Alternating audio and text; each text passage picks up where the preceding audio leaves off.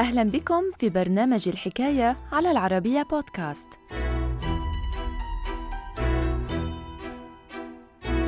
منذ العصور القديمة عرفت البشرية ظهور العديد من الأوبئة الفتاكة والتي انتشرت أساساً بسبب الحركة التجارية والحملات العسكرية حيث نقل الأفراد المصابون الأمراض معهم متسببين في تفاقم الأزمة.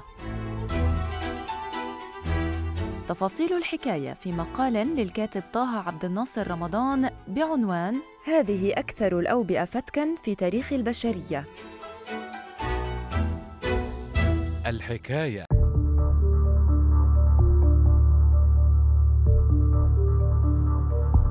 هذه أكثر الأوبئة فتكًا في تاريخ البشرية.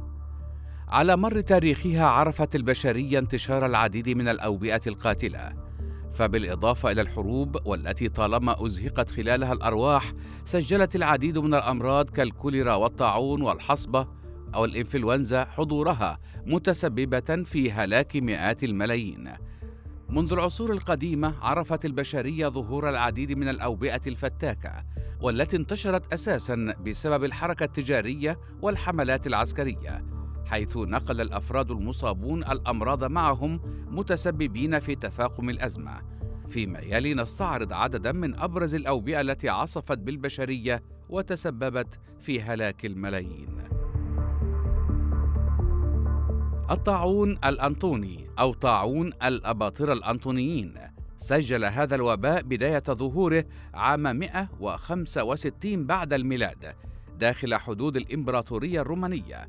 وعلى حسب ما نقله المؤرخ الروماني كاسيوس ديو تسبب هذا الوباء الغريب بوفاة ما لا يقل عن ألفي شخص يوميا. خلال الفترة المعاصرة حدثت بعض الدراسات الحديثة أن الطاعون الأنطوني لم يكن سوى مرض الجدري وقد جاء تحديد هذا المرض بناء على وصف أعراضه التي دونها المؤرخ كاسيوس واستمر هذا الوباء في الانتشار حتى عام 180 ميلادية وأسفر عن وفاة ما لا يقل عن خمسة ملايين شخص. موجة الطاعون الدبلي الثالثة.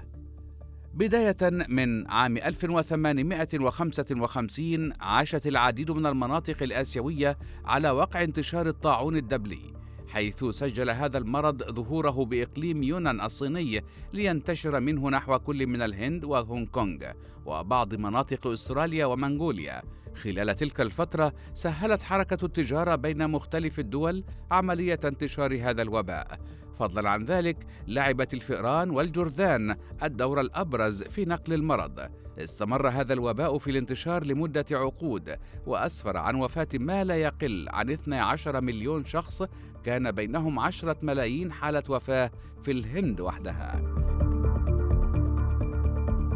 انتشار مرض الجدري بالمكسيك. في عام 1519 بعد الميلاد وتزامنا مع حلول المستكشف والمغامر الإسباني هيرنان كورتيس قدر عدد السكان الأصليين للمكسيك بنحو 25 مليون نسمة. تزامنا مع حلولهم بالمنطقة نقل المستكشفون الأوروبيون معهم مرض الجدري. والذي سرعان ما انتشر بين السكان الأصليين وخلال سنتين فقط تسبب هذا الوباء بوفاة ما لا يقل عن ثمانية ملايين شخص بالمكسيك. في غضون ذلك ومع حلول القرن السابع عشر تراجع عدد السكان الأصليين للمكسيك بشكل رهيب حيث أنه أصبح يقدر بنحو مليوني نسمة فقط. طاعون جستنيان سجل هذا الوباء ظهوره عام 541 بعد الميلاد خلال عهد الإمبراطور البيزنطي جستنيان الأول لينتشر سريعا في أرجاء الإمبراطورية البيزنطية بفضل حركة التجارة والموانئ. خلال تلك الفترة ألحق هذا الوباء خرابا رهيبا بالعاصمة البيزنطية القسطنطينية والتي هلك نصف سكانها بسببه. أسفر هذا الوباء عن وفاة حوالي 25 مليون شخص. لكن بعض المصادر الأخرى رجحت أن يكون عدد الضحايا أكبر من ذلك بكثير بسبب امتداد الوباء نحو المناطق الآسيوية الأخرى. إنفلونزا سنة 1918 يلقب هذا المرض والذي عرف ظهوره بشكل واضح في يناير 1918 بالإنفلونزا الإسبانية. وقد جاءت هذه التسمية بسبب فترة الحرب التي عصفت بالقارة الأوروبية.